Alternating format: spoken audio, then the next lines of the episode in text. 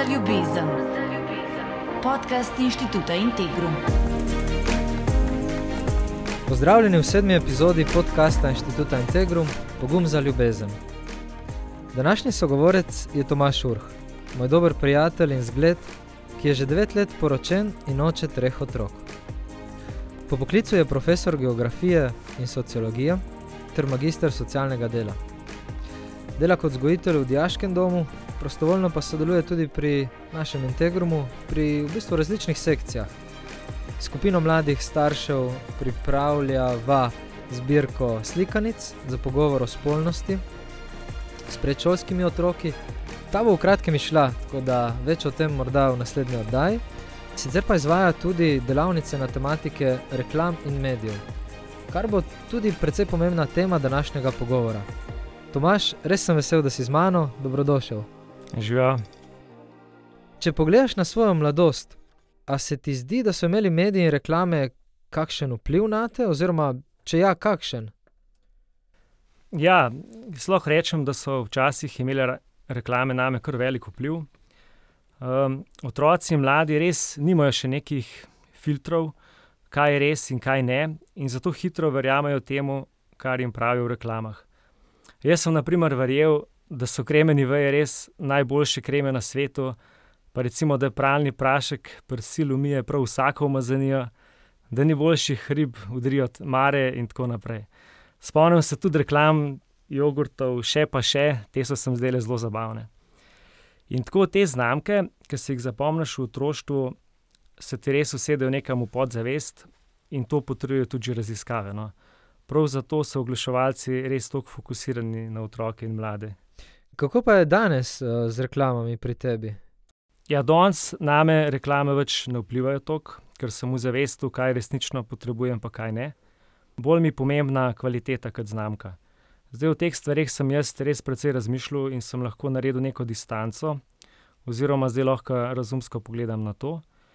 Posebej pomembno se mi zdi, da smo pozorni, da si neke stvari res ne kupujemo samo zaradi tega, ker jo ima nekdo drug, oziroma da bi bili nekomu podobni, ampak da, ali pa da bi si kupili neke vrste srečo, ker mora biti vse, takrat nismo dobri, ker se ne počutimo dobro. Mislim, da nas oglaševalci velikokrat želijo ujeti prav v to. In kaj je tisto, kar se ti zdi, da danes uh, ti oglaševalci ujamejo mlade največkrat v tem svetu reklam? Res reklame danes uh, mlade zelo, zelo ujamejo. Mislim, um, da imajo reklame danes tako vpliv na ne, zaradi tega, ker so, tok, uh, ker so pač mediji, reklame tako um, nekako vse prisotne. Um, da so na ne tako pomembne kot v zgodovini, za njih tako pomembne kot v zgodovini še niso bile. Um, današnji mladi se namreč s temi množičnimi mediji srečujejo praktično že od svojega otroštva. Že dojenčki so, do, so danes z mediji prepredeni, že v bistvu, ko so v zibelkah. Um, predvsem pa tako, no, mediji vplivajo na kulturna prepričanja in nam dajo navodila, kako naj živimo, kako moramo izgledati, kaj moramo jesti, mi pa ta navodila potem velikokrat podzavestno ponavljamo. Ja, um, in v bistvu mladi, predvsem danes, želijo posnemati, pa kupiti stvari podobne, podobne stvari, kot jih imajo njihovi idoli iz medijev, ki jih spremljajo in jim želijo slediti. Um, in tukaj je zelo pomembno, da se zavedamo, da je pri otrocih in mladih velikokrat premalo res kritičnosti do tega, kar vidijo, slišijo, preberejo. In zato to pomankanje moramo s pogovorom z njimi nadomestiti mi odrasli.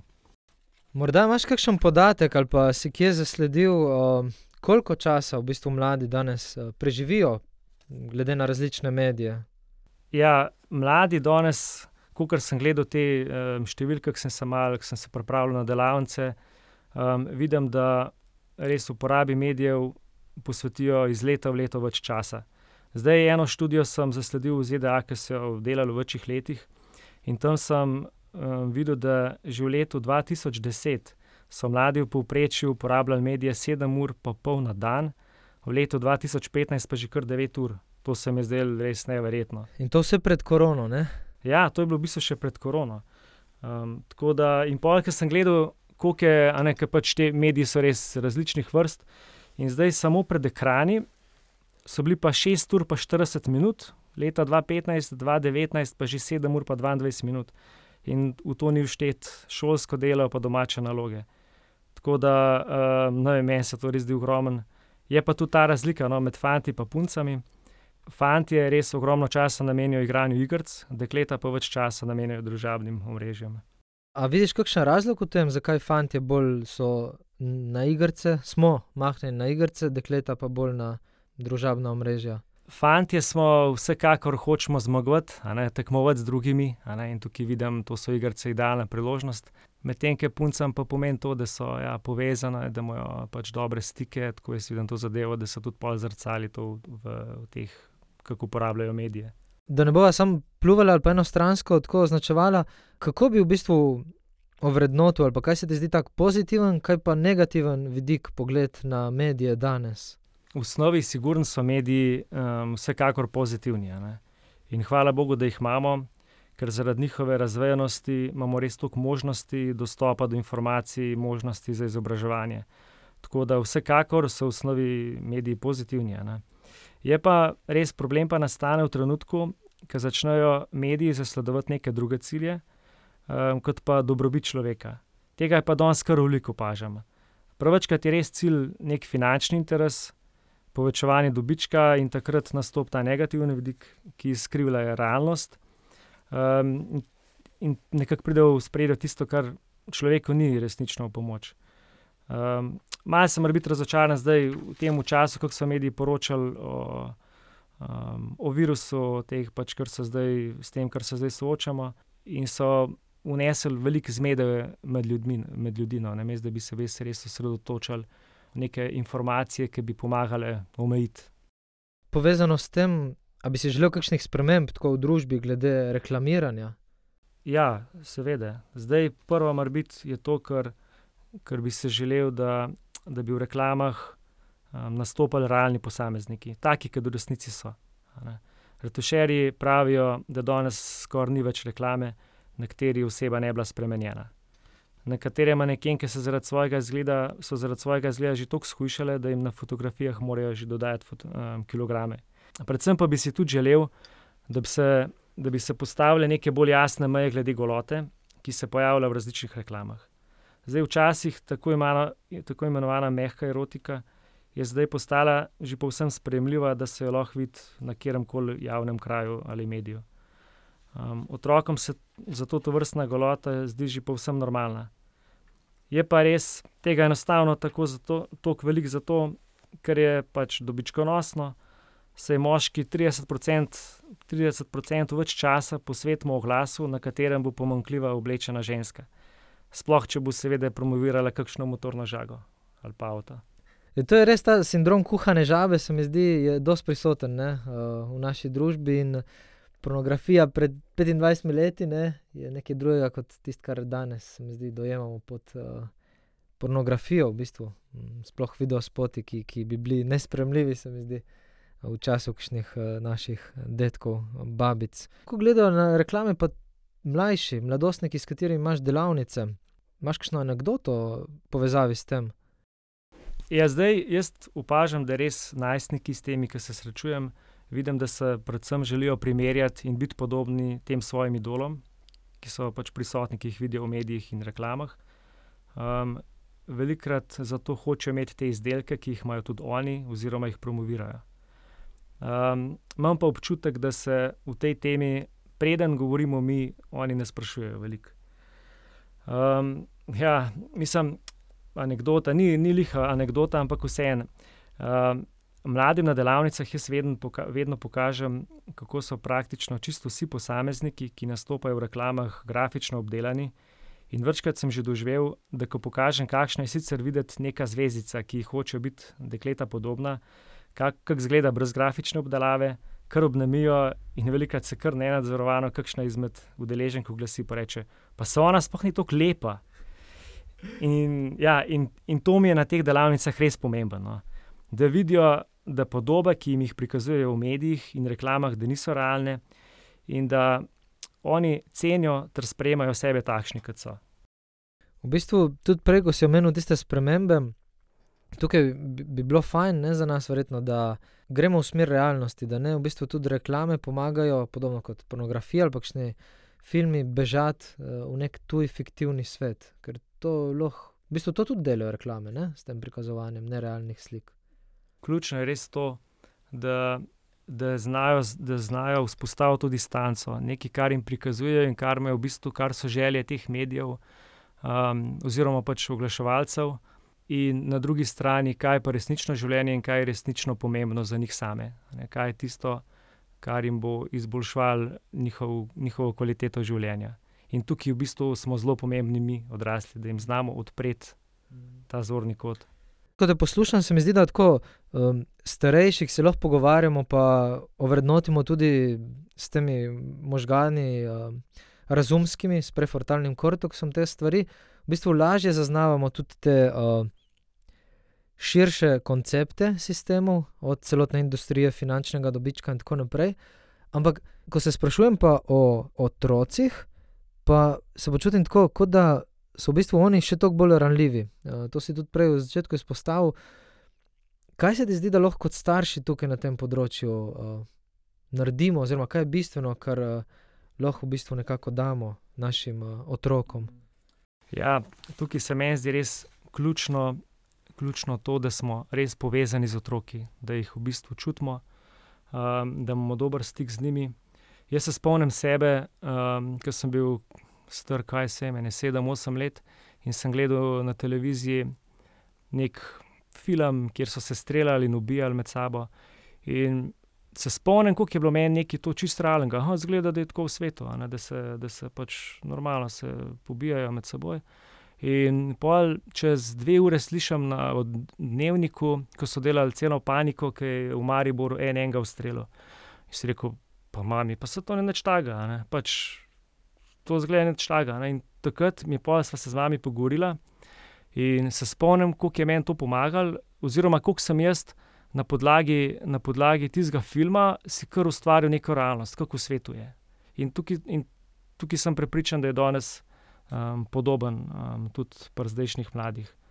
Uh, tako da res se mi zdi pomemben, um, da, ja, da so starši stalno v stiku z njimi, da jih starši ne pustijo same pred ekrani, kjer so otroci res dovzetni za vse, kar slišijo in vidijo. Oni res nimajo izkušnje, da ni vse res, kar pravijo mediji, reklame in pa res vse verjamejo. No. Imáš morda kakšno tako pozitivno izkušnjo s svojimi otroki, ko si spregovoril o kakšni stvari pri reklamah, ali pa tako, kot si podal iz svojega otroštva?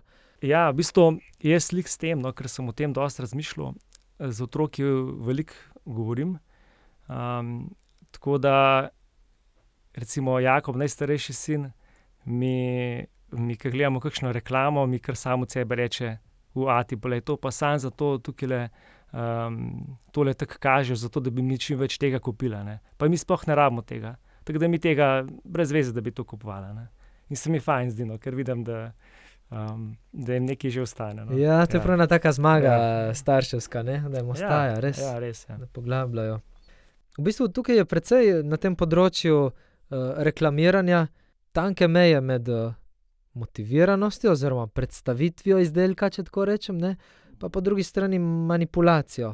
Ker se mi zdi, da psihološka dognanja, od teh barv do zvokov in ostalih stvari, se lahko kar hitro sprevržejo v neko ja, manipulacijo želja. No? Oziroma, kako gledaš ti na to? Res pri tem marketingu danes sodelujejo res najboljši psihologi. Tudi psihologom je v interesu, da sodelujejo z njimi, ker so tukaj res tudi največje marže, tukaj največ služijo. Um, in res imajo dobro preštudirano to človeško psihologijo.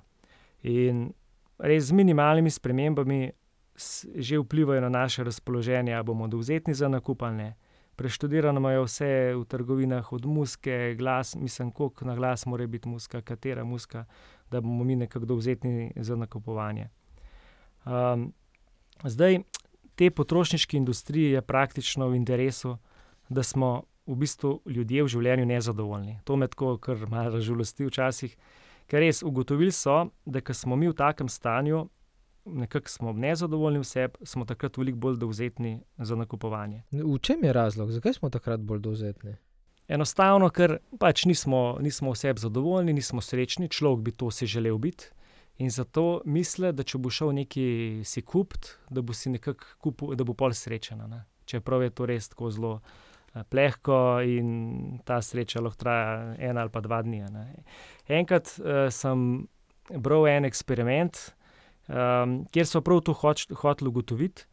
Uh, da so dve skupini so poslali v kino, v nek nakupovalno središče. Ena skupina je gledala komedijo, druga pa tragedijo. In potem so jih opozvali, koliko so po filmu trošili, um, pač kdo, kdo je več trošil, kera skupina. Pač jasno se je potrdila njihova hipoteza, da so te, ki so gledali tragedijo, uh, zapravili občutno več. No, zanimivo je. Res je tukaj um, zato tako pomemben, da, da v bistvu o tem razmišljamo, no? da, da se ne pustimo samo voditi tako, kot um, si želijo pač te. Se pravi, etičnih kakšnih omejitev tukaj na tem področju verjetno precej primankuje. Ne? Ja, mislim, sicer vse so uh, reklame, vse so na nek način do določene mere reklamirane. Tudi vidim, da, um, da na, kakš, na posameznih internetnih straneh pa to je že v bistvu zraven znak, da je to glasno sporočilo, da ni to novica.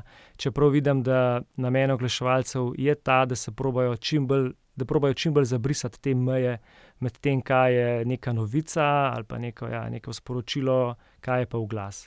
To jim je v interesu, da pač mi začnemo brati nekaj da reklama postane nekaj normalnega, ne Tako, nekaj tega, da je v bistvu neka ja, novica. Praktično. In odkot po tvoje izhaja ta, prej si omenil ta stavek, ki ga je tvoj sin povedal, da v bistvu tistega ne potrebujete in da zato je brez veze, da bi nabavili. Ampak v naši družbi je tega res ogromno. Se mi zdi, kako vržemo stran stvari, kako nabavimo stvari, ki jih ne potrebujemo. Mal si že nakazal, vseeno, zakaj misliš, da v tako veliki meri prihaja danes do tega? Ja, jaz mislim, da je tukaj siguren več razlogov, vzrokov za to. Bi pa mar biti podaril en razlog, ki se mi zdi pa tudi zelo pomemben, no? pa ne vem, če se o njem to govori. Um, in sicer zdi se mi, da je en pomemben razlog v tem, da to kupujemo tudi za stvari, ki jih ne rabimo, to, da je danes povezanosti pa zaupanja znotraj družin oziroma med ljudmi na splošno manj kot včasih. Zdaj, za dosego tega je namreč potrebno kar precej prilagajanja, potrpežljivosti in ljubezni. Um, in ljudje se tako počutijo tudi manj varne v odnosih in so zaradi tega še toliko bolj dovzetni za vplive reklam. Vsi pa si namreč želimo biti srečni zadovoljni. In ker tega ne dobijo v teh odnosih, pač v teh odnosih z njihovimi najbližjimi, potem to iščejo v nakupovanju, s tem, da se nekaj kupijo.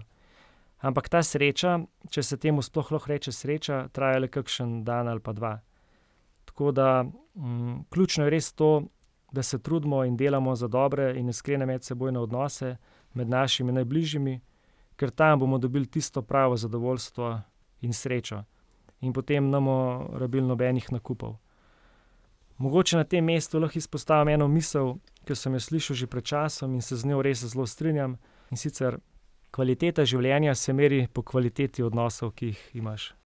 Ampak ob tem, ko si izpostavljal te odnose, so mi prihajale na misel razne situacije, ki se dogajajo verjetno v vsaki družini, bolj ali manj. So tistih, kjer se ne pogovarjamo tako dosti z, otro z otroki kot pri vas, ampak to, ko prihaja do napetosti med starši in otroki. Ne? A to tudi v bistvu je običajen del odraščanja, pubertete, Uh, je tukaj v ozadju tudi kakšna bolj ciljena stvar z vidika oglaševalcev? Morda si kaj zasledil glede tega? Normalno, seveda, normalno je, da prihaja do napetosti mislim, med starši in otroci. Zdaj, v puberteti je tega še toliko več. Pomembno je, da se starši zavedamo, da nekako majhne otroke bolj omejimo in damo manjši prostor, starejši, ki so večje meje in moramo več manevrskega prostora in moramo puščati, ampak meje vseeno moramo držati, ker to s tem jim tudi sporočamo, da so nam pomembni, da jih imamo radi. Tudi to, da se nam oni upirajo, posebej polo puberteti, ki se upirajo še močnejši, je to praktično dober znak. In tudi starši moramo dopustiti, da se nam uprejo, da povejo svoje mnenje. Ker če se bojo nam upali upreti, se bojo upali upreti potem tudi v družbi, ki jim bo en ponudil kakšno travo, kakšno drogo, bojo znali tudi tam reči ne. Tako da ni dobro, da jih mi čist, da jim vse prepovemo, da jih čist zamorimo. Oglaševalci imajo res naštudiran, kaj morajo nekako vzbuditi pri mladostniku, da bo on z vso gorečnostjo to želel dobiti in pritisnil na starše. Tukaj sem bral tudi raziskave, da predvsem um, otroci, oziroma tisti, ki izhajajo iz socialnih okolij, morda malo deprivilegiranega socialnega omrežja, da tisti še toliko bolj pritiskajo na starše, kaj bi radi imeli, ker mislijo, da si bodo s tem nekim boljšim materialnim statusom, da če bodo nekaj stvari imeli, da bodo pol bolj pripadni, da se bodo na ta način kupili tudi neko samozavest. Čeprav je to res tek na kratke, no, na kratke proge, in jim potem so čez par dni zopet v tem krogu. Ko tečemo na te kratke kroge, tukaj vidim eno povezavo med tem, kar si prej dejal, da v bistvu gre za neke nerealne slike, veliko krat, oziroma podobe v, v reklamni industriji, pa gre za to, da, da vzbujajo nezadovoljstvo pri nas, oglaševalci. Posledično se mi zdi tudi tako, na družbo kot na celoto zna to vplivati negativno. Če imaš ti, se mi zdi, velik delež mladih, ki so nezadovoljni, ki itak se že po naravi upirajo, ker so v tem naravnem procesu dozorevanja v tej fazi. Ampak, ko, ko notranje postajajo vedno bolj nezadovoljni in želijo dosegati neke ideale, ki so tako oddaljeni, da niso sploh dosegljivi uh, v realnosti, zna potem prihajati tudi verjetno do kakšnih problematik, širših, uh, pogostejših v družbi. Dejansko sem bral, da tisti, ki gledajo v večjem delu televizijo, ki več časa preživijo pred televizijo, posebej punce, da se tam kaže obratno sorazmerje z njihovo telesno težo. No. V bistvu je to, kar v, bistvu v reklamah. Zdaj, oglaševalci vejo, da predvsem otrokom, ki so v času pubertete, ki hočejo um, res met, biti lepi, biti všečni. In takrat jim forsirajo te neke lepotne ideale, vse, ki so praktično niso realni, ki so čisto vsi zretuširani. Ampak mladi, ki nimajo te distance, se jim hočejo čim bolj približati. Čim bolj približati tako. Mhm. In v teh letih je zato toliko večji pojav, predvsem pri puncah, um, ta anoreksija. Um, tako da je res velik delež teh deklet, ki prekomerno gleda televizijo, um, anoreksičnih. Da, in tudi ugotovili so tudi druge povezave. Poveča se število, mislim, nasilje se poveča, potem um, vpliva na koncentracijo v šoli. Tako da tukaj je pomembno, da v bistvu odrasli mlade spodbujamo, da grejo nekako v to realno življenje, da grejo iz teh zaslonov um, med sovrstnike, da, tudi, da si tudi mi vzamemo čas za njih, gremo z njimi v naravo, se pogovarjamo z njimi, ker to je tisto, kar, kar jih bo na dolgi rok pa tudi srečalo. No. Jaz vidim tudi pri dijakih, ko jih vprašam, v bistvu, kdaj bi oni dali pametne telefone ali to svojim otrokom kar visoko postavijo to starost. Ponovadi takrat, ko so jih sami dobili, ali pa še kasneje. No? Tako se mi zdi, da uh, imajo to zavest v sebi, uh, kaj vse je lahko nevarno, kljub temu, da se težko odreči vsemu tistemu. Sploh vidim eno ogromno privlačnost tukaj v družabnih omrežjih. Se mi zdi, da to zelo močno vpliva na to uh, samo podobo, oziroma tudi ti opažaš, kaj je v povezavi s tem. No? Pri dekletih nasplošno. Ja, jaz vidim, da socialna mreža, kot so v bistvu, imajo veliko dobrih stvari, da si lahko res v stiku s prijatelji, ki drugače ne bi mogel biti, recimo s tistimi, ki so dlje stran od tebe. Ampak hkrati pa opažam to, da koliko mladih, pa tudi odraslih, ne, gre recimo na nek potovanje, na neki izlet. In njim ni v prvi vrsti. Da pomemben, da bi uživali, da bi užili tisti dogodek, trenutek, kjer so, Ampak gledal sem, kakšno fotko bo naredili, kako bo izgledal na sliki in dodal na to, na ta socialno mrežje. In potem gledal, ne vem, koliko bo lajkov, koliko bojo pač, koliko gledal bojo imeli. Um, in se mi zdi res škoda, no? ker nekako pol tisto življenje, ki ga imajo, ga ne, tist, oziroma te trenutke res ne izkoristijo v polnosti. Um, in ja, to vidim, no, vidim res nekako to dvojnost pri teh medijih. Um, hkrati ogromno so nam omogočili, ogromno dobrega s tem lahko um, naredimo, se ja, res izobražujemo, naučimo, pa hkrati je tako pasno in zato je pomembno, res, da z mladimi o tem veliko govorimo. Zdaj, ki si umenil telefone. Plej, moj sin je zdaj v prvem razredu in že govori, kdaj bo dobil telefon, ker ga imajo sošolci že. Um, in že zdaj vem, kakšne borbe bomo imeli to vsak let posebej, oziroma skoraj vsak mesec. Um, ampak ja, tukaj, tukaj je pomembno, da starši vemo tisto, kaj je res dobro za otroke in da se tega držimo in z njimi pogovarjamo. Ne da rečemo samo ne, ampak da smo z njimi v odnosu, no? da vidijo, da so nam pomembni, da to delamo v skrbi za njih. No? Morda za tiste starše, ki nismo tako prepričani, kdaj bi recimo dali otroku telefon, ne? ko si izpostavil primer, ki, s katerim se boš verjetno srečeval v prihodnih letih, pa tudi marsikdo od nas. Je kakšna misel, usmeritev, tako, kaj tebe vodi ja, ob tem razmišljanju? Eno si izpostavil, to vzdrževanje odnosa, preverjanje skupaj v tem odnosu, v relaciji starš-otrok. Kaj je še morda tukaj fajn, da se zavedamo? Tudi jaz sem se pogovarjal z dijaki, z mojimi dijaki v dijaškem domu, kdaj oni meni priporočajo, da bi dal svojim otrokom telefon. In podoben odgovor sem dobil kot ti. Uh, dejansko se reče, da ja, čim kasneje, um, pol proti. Jaz sem ga dobil šele v 8. razredu, v 9. razredu, um, pa sicer sem bil takrat hud, ampak um, bolj, da jim ne date prej, ker pol sami igrci špijajo in sam čas uh, leti stran. Uh, tako da ja, jaz zdaj ne mislim, da je nek pravil, zato ker dejansko razmišljam v tej smeri. Če recimo. Um, če, če gre, recimo, vem, da ima sin, hčerka, kakšno glasbeno šolo, da, da se kdaj lahko, da se jim prej konča, da mogoče jim odpade pouk. Se mi zdi čisto fino, da imajo nek telefon, ampak ne rabijo pametnega telefona. No. To, da lahko pokličejo, um, da lahko ali da jim tudi ti sporočiš, če se je, ne vem, kakšna prometna zastoja ali pa da ne moreš prijeti čisto točno. Tako da z tega vidika se mi zdi v redu, ampak prav pameten telefon, pa res ne rabijo, ne rabijo tam do, kaj se jim res, konca osnovne šole. Ker v bistvu prinese več slabega kot dobrega. Ne? Ta pametni telefon, če te prav razumem, privlačnost vsega, kar je nevarno, prevelika za te mlade možgane in njihov razmislek o tem, kako se upreti tej stvari. Enostaven, tudi če jaz grem velikrat, ker razmišljam o tem, kaj bi bilo že primeren za njih, pa kaj ne, grem jaz sam v tista leta, kjer so takrat oni. Um, in enostavno, ja, ti kot otrok ne, moreš, ne zmoreš te distance. In če bi jaz imel vse to, kar jim ponuja zdaj ta tehnologija, sem prepričan, da bi tudi jaz padel, oziroma da bi tudi jaz um, veliko bolj zapadel res v te stvari. Tako da, ja, tukaj smo zdaj mi tisti odrasli, ki se tega zavedamo, da zdržimo, da tudi če bojo oni hudi na nas, pa ne vem, pa nas ozmerjali, da če že kdo, kdo od sošolcev vse to že ima, da mi ne klonimo, da smo močni in da smo mi, da vemo, da je pač to edino dobro za njih in da ustrajamo pri tem. Ja. Spravi, da verjamemo, da je tisto dobro, kljub pritisku družbe, ki dejansko je eh, veliko krat, ne, pa kljub upiranju mladostnikov, ki je tudi del njihovega odraščanja ne, v tem smislu.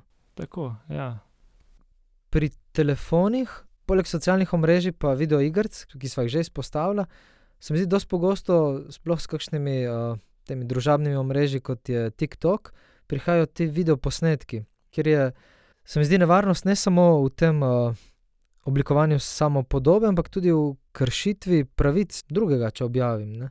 A si imel še en tak primer ali pa slišal morda? Ne, prav primera v tem nisem, nisem slišal. Um, sem pa velikrat videl, oziroma že tudi so mi dijaki povedali, da jim, pa bistvu, da jim bilo pa žal, da so eno stvar objavili in vejo, zavedajo se, da je enkrat so dali to na splet, tega ne morejo več zbrisati dol. Tako da um, iz tega vidika vidim tukaj kar precej nevarnosti, ker pač takrat se ne zavedaš, kaj lahko vse to. Um, na kaj lahko vse to vpliva, če si dal kakšno, vem, kakšne stvari, slike, posnetke, vse gor, uh, ki si takrat hotel s tem nekako ne vem, očarati nekoga ali pa nekako dobiti nek pozitiven feedback. Um, ampak kasneje se lahko to obrne proti tebi. Sploh takrat ne vem, kaj boš tiskal službo, pa bo tvoj bodoč delodajalec nekako lahko vse preveril, kakšen si, kakšen si bil v preteklosti. Tako da ja, tukaj je res pomembno, da jih starši upozorimo pred tem, da tisto, kar bojo dal na splet, bo v bistvu večno zapisano. Izpostavil si, da jih dost močno pritegne to, da želijo nekoga očarati. Kaj se ti zdi še tako, ker razmišljam zdaj, zakaj en, recimo, 15-letnik bi objavil eno ne vem, neumnost, ki jo s prijatelji naredijo. Ne? Ali pa zakaj ena punca objavlja fotografije sebe v spodnjem perilu, pa da je gor. Kaj je tisto, kar jih tukaj najbolj tako vleče, še ti zdi, poleg tega očaranja drugih? Oziroma... Dejstvo je, da vsak izmed nas si nekako želi biti sprejet, pa pripadati nekomu. Ne? Vsi nekako to iščemo. Zdaj pa tako, če se doma o teh stvareh dosti pogovarjamo, da imamo starši um, z otroki dobre, dobre odnose, da se res slišimo, da nam oni zaupajo, da nam verjamejo, da tisto, kar jim pravimo, da jim res pravimo z dobrim namenom. Potem mislim, da jim tukaj otrokom damo neke zdrave temelje in da se tudi oni ne bodo spuščali v neke take uh, stvari, da bi iskali pozornost, pripadnost pri drugih na tak način, da bi v bistvu, ja, da bi se tam v spodnjem periodu slikali, da bi šli čez te meje. Um, če pa tega ni v družinah, če pa ni uh, tega pogovora, pa na vse načine mladi, ki so pa res žejni tega, sploh če doma tega ne dobijo v tej taki meri, so pa res pripravljeni narediti vse. Gledal sem včeraj, predvčerajšnjem na eni internetni strani, da so, so bili to osnovnošolci, sredi avtoceste, so se vlegali na tla in se snemali, samo zato, da bojo nekako dokazali svoj pogum. Ne. Ampak zdaj si, marbi, si sami, ker ne predstavljajo si, kaj oni tvegajo in kaj je nekako samo zato, da bojo ja, imeli nek, da bojo bili nekako popularni, mogoče nekaj časa. Kaj je lahko, v bistvu, kakšna posledica je lahko? Ne? Je tukaj možnost, da kot starši še kaj naredimo? Recimo, ful mi ostaja močno ta poudarek, da se z njimi pogovarjamo, da gradimo odnos da imajo to uh, občutek sprejetosti, ljubljenosti znotraj primarne družine. Uh, razmišljam namreč, ko, ko se več družin dobi skupaj, pa potem je v bistvu nam staršem včasih lažje, ker vemo, da se trudijo tudi ostali starši na podoben način ali pa za podobne vrednote.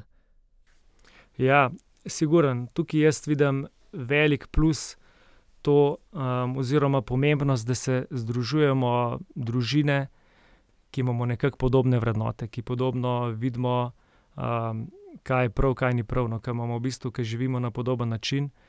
Ker s tem, če imajo otroci svoje sovrstnike, ki jim veliko pomenijo, tudi ne vem, vera, tudi v bistvu um, pač te vrednote, ki jih mi gojimo, to, da se je treba potruditi za drugega, da, da ni v bistvu sam čim več imeti, ampak da, je, da so pomembne druge stvari tudi. S tem so potem tudi lahko naši otroci se bolj opolnomočijo, ko pridejo v svet sovrstnikov, ki pa ne živijo točno, mislim, ravno teh vrednot. In so lahko takrat močnejši in tudi močnejši zagovarjajo te svoje vrednote, ker vejo, da pač kljub temu, da v tistem okolju, kjer živijo, ni to tako popularno, vejo, da vseeno so ljudje, ki jim pa te stvari pomenijo. In prepričan sem, da, da otroci vse tudi čutijo, čutijo, kaj je tisto, kar je, kar je res, kar je močnejše, kar jih bolj usrečuje. Če, če jim to mi damo, da poskrbimo za to, bojo, sem pre, mislim, upam, no, um, da bojo lažje potem to res živeli, pa se tega držali.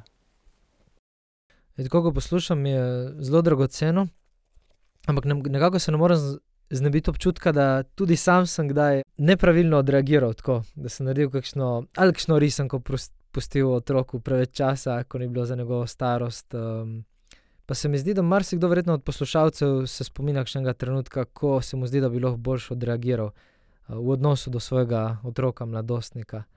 Ja, vsi delamo napake, normalno, jaz sem jih naredil že milijon. Um, in tukaj je tudi pomembno, da se mi to naučitamo. Pač mi rasemo, tako kot um, pač starostjo smo skozi modrejši. Pač, če delaš na sebi, seveda, sam po sebi ne boš rado modrejši.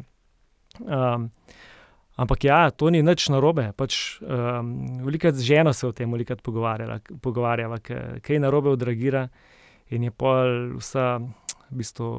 Jezna nas jo je se narobe odragirala, pa si učita pa jaz pa pravim pomiriti, ker enostavno, poglej, ni, vsi delamo napake, nič, ni nič narobe, ker, tuj, ker je v končni fazi tudi boljša. Se tudi otroci s tem vidijo, da ni nič narobe, če se kdaj zmotiš, če narediš kaj narobe. Pomemben je samo to, da pa si tako močan, da se znaš pa tudi upravičiti. In ne pomeni, uh, in je prav, da pol otroku, če si kaj narobe odragiral, mu tudi poveš, um, se mora biti isto upravičeš. In ne pomeni, da si s tem sam sebe negiral, oziroma da si zdaj ti kaj vem, manj vreden ali pa da manj znaš. Tukaj nekako se mi zdi, da si še močnejši, pa no, še nekako. Tako da, ja, ne se bati delati napaka, ne. to je normalno, življenjsko. Mm, ja, to je verjetno res dober odraz tudi za otroke, ne, da smo jim zgled v tem, da nismo popolni, se pa trudimo rasti in graditi odnos naprej, ne, kljub kakšnim neumnostim ali pa napakam, ki jih naredimo kdaj. Ja, zelo dragoceno. Tomaž, kaj bi želel še položiti poslušalcem na srce, povezavi z reklamami oziroma s to tematiko, kar smo se pogovarjali, lahko je tudi z mobiteli, z družabnimi omrežji. Dosti modrih misli se mi zdi, nam ostaja, spodbud, pa tudi malo pomiritve, to sem zelo hvaležen. Tako za kakšno zaključno misel, kaj je tisto, s čimer želiš, da zaključimo? Ja, jaz bi morebiti zaključil s tem, da, da, res, da je pomembno se zavedati tega, da bolj, ko gledamo popolne podobe drugih in brez uspeha poskušamo najti te iste, v bistvu v osnovi nerealne lastnosti pri sebi, slabše mnenje imamo o lastni vrednosti. In to je začaran krog, ki goji nezadovoljstvo, in če smo nezadovoljni, potem več kupujemo, in tako naprej, kot sem že govoril. Um, in ja, res bi poudaril predvsem to, da, da skrbimo za dobre medsebojne odnose, za povezanost staršev z otroki, da imamo dober stik, ker na tak način bomo res lahko prišli do otrokovega srca in mu pokazali, kaj je v življenju res bistveno. Ne to, da nekaj imam in potem kažem to drugim, ker to je res minljivo, plehko in ne prinaša sreče, ampak da so bistvene stvari tiste, ki se jih ne vidi, ampak čuti. Ljubezen, prijateljstvo, medsebojna pomoč in tako naprej.